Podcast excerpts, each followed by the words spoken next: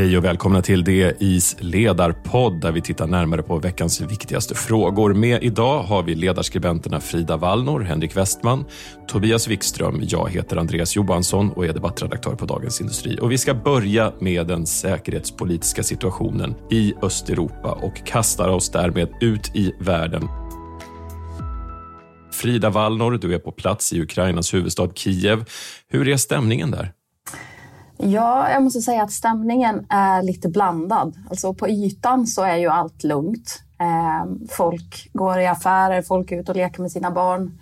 Eh, de är ute och käkar som om, som om inte ryssarna står vid, vid gränsen liksom, och som om inte ryssarnas president hotar Ukraina och deras framtida vägval. Eh, så, så om man inte visste det så skulle man ju liksom tro att allt är som vanligt. Eh, men sen visar ju tv-kanalerna här väldigt mycket om, om det storpolitiska spelet såklart.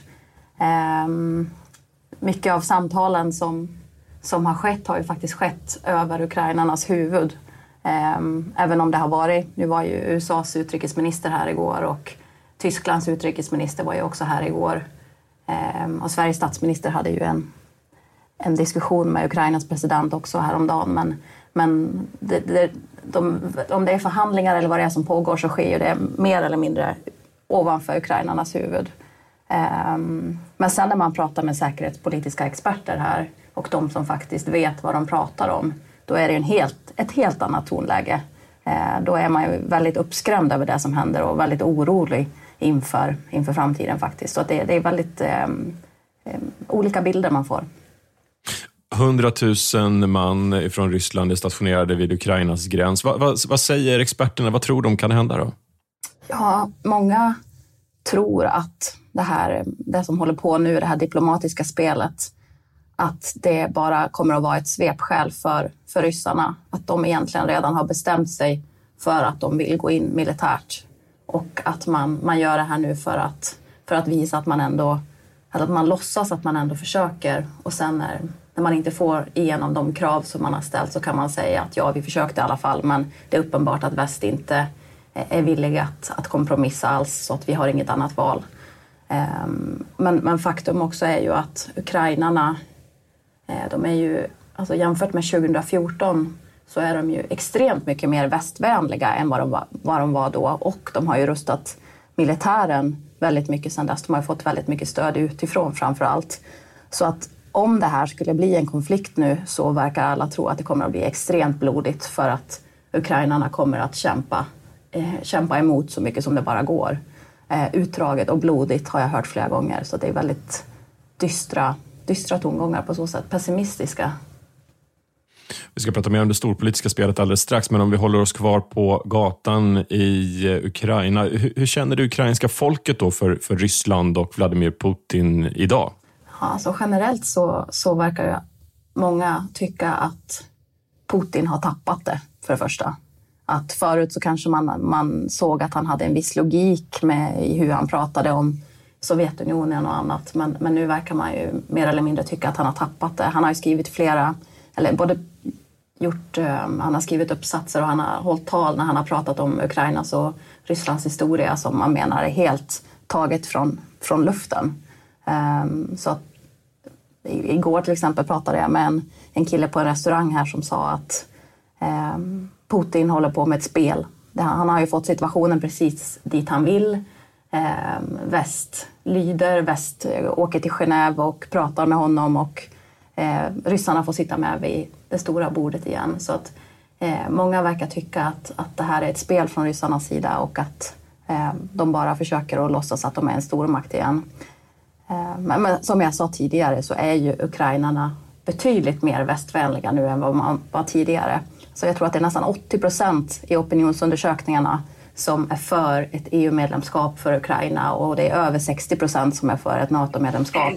Så, så jag tycker att det har varit en väldigt, eh, det har varit en väldigt tydlig förflyttning. Jag tror att det är typ 10 procent i ukrainska parlamentet som eh, består av ryssvänliga partier. Så, så en väldigt tydlig förflyttning mot väst. Kan man säga någonting om sannolikheten att Ukraina skulle kunna gå med i, i, i Nato på sikt och på en överskådlig framtid? Eh, de verkar fortfarande tro att det är realistiskt eh, på lite sikt. Jag, jag har frågat eh, experter här om det. Men ja, det, det är ju tveksamt i alla fall så länge Putin sitter kvar som president i Ryssland. För som det är nu så har ju han en form av informellt veto. För det får ju inte pågå en konflikt, Eh, en aktiv konflikt i ett land eh, för att man ska få gå med i Nato. Och, faktum är ju att det gör ju det i Ukraina, har ju gjort sedan 2014 med den här lågintensiva konflikten i, i östra Ukraina. Och vi får ju se vad som händer nu. Ehm, men, men EU-medlemskap är väl kanske mer eh, realistiskt då inom en överskådlig framtid för att ukrainarna har faktiskt gjort en del reformer också sedan 2014. Man har ju fått extremt mycket pengar från EU till exempel för att göra om rättssystemet och, och annat, försöka mota bort den här korruptionen som fortfarande sitter väldigt djupt. Men, men i närtid är det ju ingen som tror att Ukraina kommer att gå med i Nato. Mm. Man ska komma ihåg att den här lågintensiva konflikten har kostat 14 000 människoliv hittills. Men du, eh, Frida, eh, om det värsta skulle hända, en blodig konflikt nämnde du. Eh, vilken reaktion kan man då förvänta sig från väst och Nato? Ja, vi hörde ju Joe Biden igår pratade och sa att han tror faktiskt att Putin kommer att göra verklighet av de här hoten och gå in i Ukraina på något sätt. Och Eh, om det nu blir så, så, så väntar sig ukrainarna först och främst väldigt tuffa sanktioner eh, mot Ryssland direkt. Eh, jag får en känsla av att man är ganska besviken över hur väst eh, reagerade efter 2014, här, att sanktionerna inte var så tuffa som man kanske hade önskat. Eh, och man väntar sig också att man kommer att få vapen och ammunition som kan liksom användas direkt. Men, men det är också väldigt tydligt att det är verkligen ingen som har några illusioner om att väst skulle kunna skicka soldater eller något. Utan tycker det känns som att det finns en viss bitterhet här. Man pratar om, ja, vårt försvar är ändå ganska starkt. Eh, man jämför med till exempel NATO-länder som Litauen, NATO-länder som Albanien. Men de är ju betydligt säkrare för de är ju med i NATO. De behöver liksom inte rusta upp försvaret. Och här är vi. Liksom, och vi vet att vi står alldeles ensamma om eh, Ryssland skulle eh, fatta beslut om att gå in i vårt land och ingen kommer att komma till vårt försvar. Men ja, det är, man är liksom... Ja, det, det är en viss bitterhet faktiskt, att de så gärna vill gå med i Nato, men de blir inte insläppta. My guess is that he will move in, he has to do something, sa Biden på presskonferensen i natt. Det låter nästan lite utmanande. Vad, vad, hur tror du Putin kommer reagera på det här? Ja, ja det är en bra fråga, men jag, jag tycker verkligen att Biden har en poäng här för att den här kravlistan som Ryssland har publicerat eh, både gentemot USA och gentemot Nato. Ehm, den är ju sån att det är väldigt svårt för USA och Nato att, att göra några eftergifter. Eh, och då är frågan hur, hur Putin skulle hantera en sån situation. Om han inte reagerar överhuvudtaget då så framstår han ju verkligen som svag eh, på hemmaplan och gentemot omvärlden. Och känner vi honom rätt så är ju det det sista han vill. Så, så risken är ju faktiskt väldigt stor att han måste göra någonting om han nu inte får någon, några eftergifter från väst. Frida, jag vet att vi kommer få anledning att återkomma till det här ämnet på Dagens Industris ledarsida. Eh, den som vill lära sig mer och förstå konflikten i östra Europa gör rätt i att fortsätta läsa Dagens Industri och lyssna på podden. Jag säger tack Frida Wallnor för att du var med oss idag och vi ska gå vidare med veckans andra ämnen. Vi börjar med företagens roll i samhället och Investor som har reviderat sina, eh, sina inkluderings och jämställdhetspolicys. Eh, Henrik, vad är det som har hänt egentligen? Ja, det är ju egentligen PM som ska prata om det, för det är en alldeles lysande granskning som PM har gjort här under hösten. Han har i ett antal ledartexter tittat och granskat eh, Investors mångfalds och inkluderingsplan. Och de problem som man kan se i den, eh, i den planen. Eh, och nu fick vi då en effekt av, av den här granskningen i veckan då Investor glädjande nog skrev om och förtydligade sin plan. Meritokratin fick en mycket mer framträdande plats. Investor pratade själva om det, att de hade tagit, tagit till sig av synpunkterna och kritiken och, eh, och gjort om. Eh, och, eh, och det här är bra och det är bra på många sätt, inte minst för att Investor är ett så viktigt företag i svenskt näringsliv. Det är Riktkarn, det är ett bolag som många andra företag tittar på. Så det är ett väldigt viktigt signalvärde i det här också. Så, eh, så jag rekommenderar verkligen starkt eh, de som inte har läst de här artiklarna att gå in på di.se och, eh, och, och, läsa dem. De, de, den första kom i oktober, eh, det var en i november och sen kom en här i, i veckan som sagt. Mm. Du, Henrik, Investor är inte de enda som har en mångfaldspolicy som är omtalad. Blackrock, eh, enorm, den enorma fondförvaltaren, kom i eh, veckan också med, med, med eh, vdn kom med sitt, med sitt tal och sitt vd-brev. Ja. ja. precis. Va, va, vad säger han? Ja, men Larry Fink han är ju oerhört skicklig på detta. Han har ju tidigt eh, gått ut och profilerat Blackrock och sig själv som aktivister inom, inom bolagssfären. Och det har han fått väldigt, väldigt mycket uppskattning men också kritik för. Eh, helt klart så är det så att det här vd-brevet läses av väldigt, väldigt många och får säkert också stor effekt. Eh, i, den här, I det här senaste vd-brevet så lyfter han ett begrepp som han kallar för stakeholder-kapitalism som Hej, Ulf Kristersson här. På många sätt är det en mörk tid vi lever i. Men nu tar vi ett stort steg för att göra Sverige till en tryggare och säkrare plats. Sverige är nu medlem i Nato. En för alla, alla för en. Expressen gör varje vecka podden Politikrummet där vi djupdyker i det senaste och viktigaste inom svensk politik. Med mig, Filippa Rogvall, som programledare tillsammans med mina vassa kollegor. Och det är ju ni som heter Thomas Nordenskjöld, Anette Holmqvist och Viktor Bartkron. Politikrummet kommer med ett nytt avsnitt varje tisdag. Vi hörs.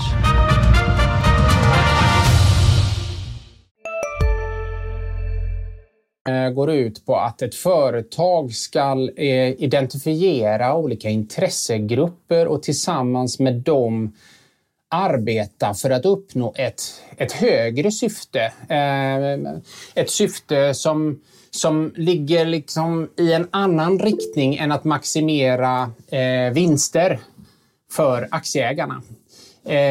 Problemet med det är att det som styr Eh, vad som är aktuellt just nu är en agenda som är föränderlig. Eh, vilket innebär att företag som ger sig in i den här sfären som, som traditionellt har varit politikernas, de, de tenderar att trampa fel. Eh, och det pekar jag också på i, i den här texten. Eh, att man som företagare Gör klokt i att först och främst fokusera på avkastningen för aktieägarna och tänka sig noga för innan man ger sig in i den eh, politiska sfären. Intressant läsning, eh, både, både vd-brevet och, och vår ledare. Mm. Regeringen ska inte hyckla om bolagsskatten, Tobias Wikström. Det skriver du i en ledartext. Vad menar du och vad handlar det här om egentligen? Det handlar ju om eh, de olika initiativ som finns på internationell nivå om att göra om bolagsskatterna. Det har pågått i eh, uppemot tio år, eh, den här processen att en bolagsskatt ska skiftas om till att Eh, betalas i de länder där, man, där, för, där stora företag säljer sina produkter och tjänster helt enkelt. Eh, det är någonting som skulle drabba Sverige väldigt hårt eftersom vi är ett litet land med, med stora exportföretag. Och det har regeringen identifierat sedan länge, både den gamla alliansregeringen och den nuvarande S-ledda regeringen. Eh, och eh, nu pågår de här eh, processerna i EU. Det är dels det här förslaget som jag nämnde, dels minimiskatten eh, för stora bolag. Eh, det som G20 kom eh, överens om i höstas.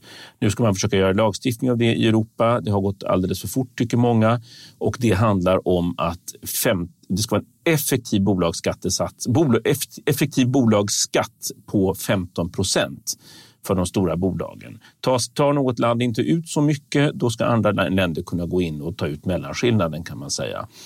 Eh, och det här är då effektiv bolagsskatt, så det är inte bolagsskattesatsen. Så att det är, eh, många svenska företag är ju ner, betalar ju en effektiv bolagsskatt ner mot 15 procent fast eh, den formella nominella bolagsskattesatsen är 20 0,6 procent. Det är lite krångligt det här. Men det här är alltså inte ett förslag som är ofarligt för Sverige. Det kommer att vålla mycket problem för de stora eh, företagen. Nya bokföringssystem eh, och, eh, och sådana saker. Och där vill alltså EU under franskt ordförandeskap hetsa igenom den här lagstiftningen trots att OECD och G20 som är de som leder den här processen ännu inte är riktigt klara. Och då det här hyckleriet som fanns i rubriken i dagens eh, ledare.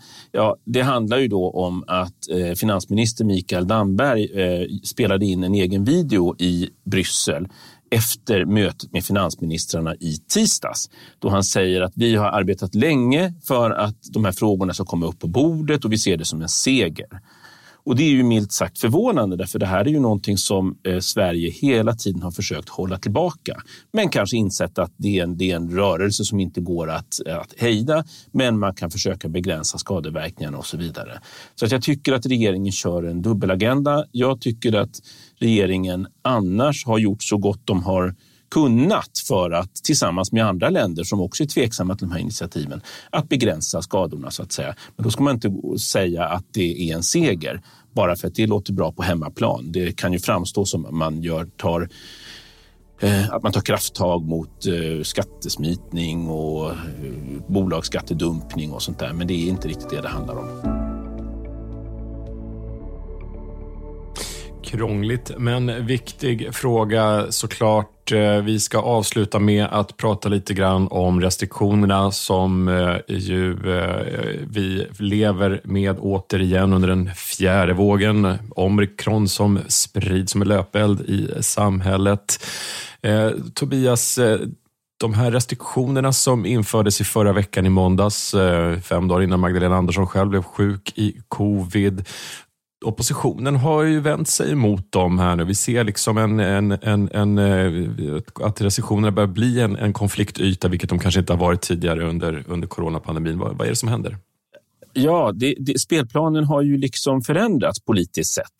Alltså det var, du sa i måndags, men det var egentligen måndag förra veckan då som Magdalena Andersson presenterade de här nya restriktionerna. Redan då väckte det lite förvåning därför att många av oss har ju ändå känt eh, när man har försökt lyssna av diskussioner, medicinska kommentarerna och så under jul eh, månaden och julhelgerna att ja, det är ju något speciellt med den nya varianten. Den är extremt smittsam men verkar också vara väldigt mild i sina skadeverkningar.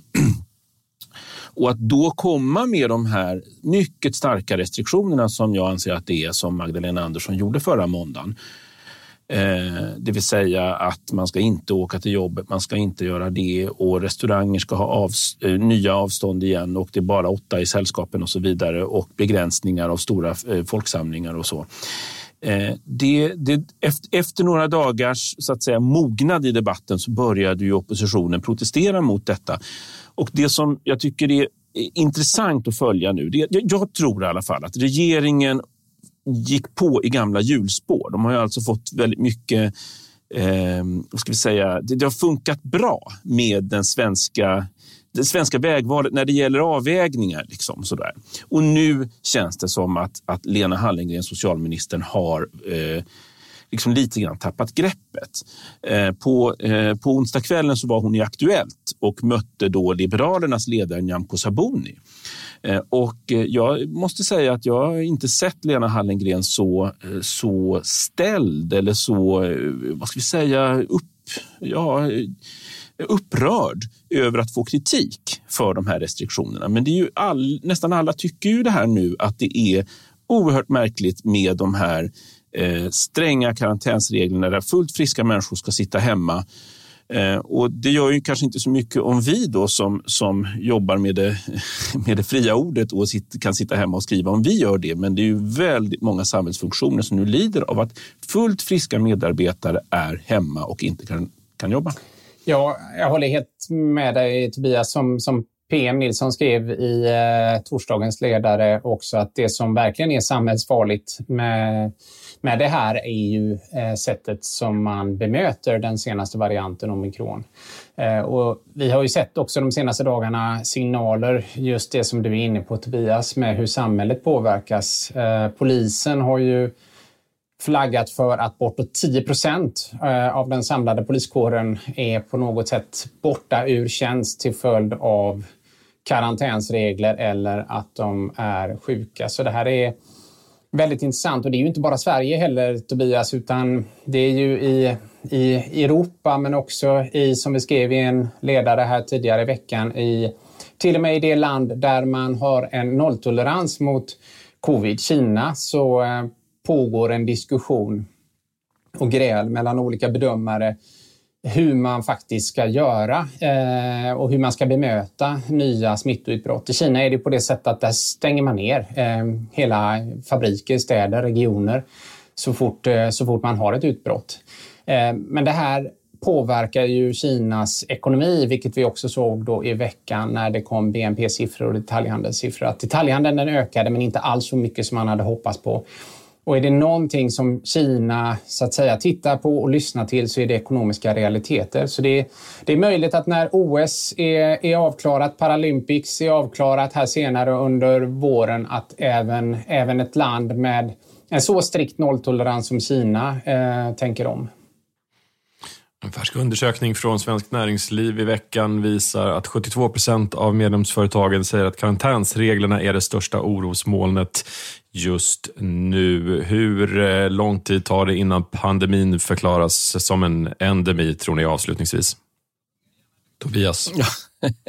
Nej, men jag, jag, jag, tror att, jag tror att det kommer att ske relativt snart. Det kommer ju naturligtvis att eh, kräva någon typ av internationell samordning. Eh, och där är ju förutsättningarna väldigt olika mellan, mellan de rika länderna och de fattiga givetvis. Men, men jag tror att det kommer att ske eh, rätt så snart eh, på någon typ av eh, global eller åtminstone regional nivå. I Sverige så, så eh, har vi ju under stora delar av pandemin inte haft så stora restriktioner. Så att det är ju egentligen inte så att man behöver Eh, Eh, fatta ett beslut om att förklara att detta inte längre är en samhällsfarlig sjukdom. Det är, inte, det är, det är en viktig symbolik i det, eh, naturligtvis. Men det viktiga är ju att, att restriktionerna anpassas till realiteterna. Sen eh, ska jag också då säga att Nyamko Sabuni hade en, en stor poäng, tycker jag, i gårdagens debatt med Lena Hallengren i Aktuellt, där hon då sa att Eh, bara för att man tar bort den här pandemilagen som ju då för övrigt förlängdes nu i veckan. Eh, och även om man tar bort den så, så gör det ju inte att det inte går att införa nya restriktioner. Men då måste de gå till riksdagen så som läget alltid annars har varit. Det här är en, en typ av undantagslag som, som man nog bör vara försiktig med och verkligen se till att den finns i extrema samhällssituationer bara. Mm, Henrik, vad säger du? Jag tror också att den kommer försvinna ganska, eller att man kommer lyfta restriktionerna ganska snart. Jag tror mycket handlar om det som Tobias är inne på, det vill säga politiken och, och hur den debatten förändras. Eh, politikerna vill ju visa handlingskraft i detta och om det visar sig att regeringen blir sittandes på ena sidan och eh, det finns en allt mer växande opinion mot restriktioner och nedstängningar, då skulle jag säga att det, det, kan, gå, det kan gå fort. Tack för det Henrik Westman och Tobias Wikström, ledarskribenter på Dagens Industris ledarsida. Vi tackar också Frida Wallnor direkt ifrån Kiev, ansvarig utgivare för DIs ledarpodd. Det är Peter Fällman och vi hörs igen nästa vecka. Tack och hej.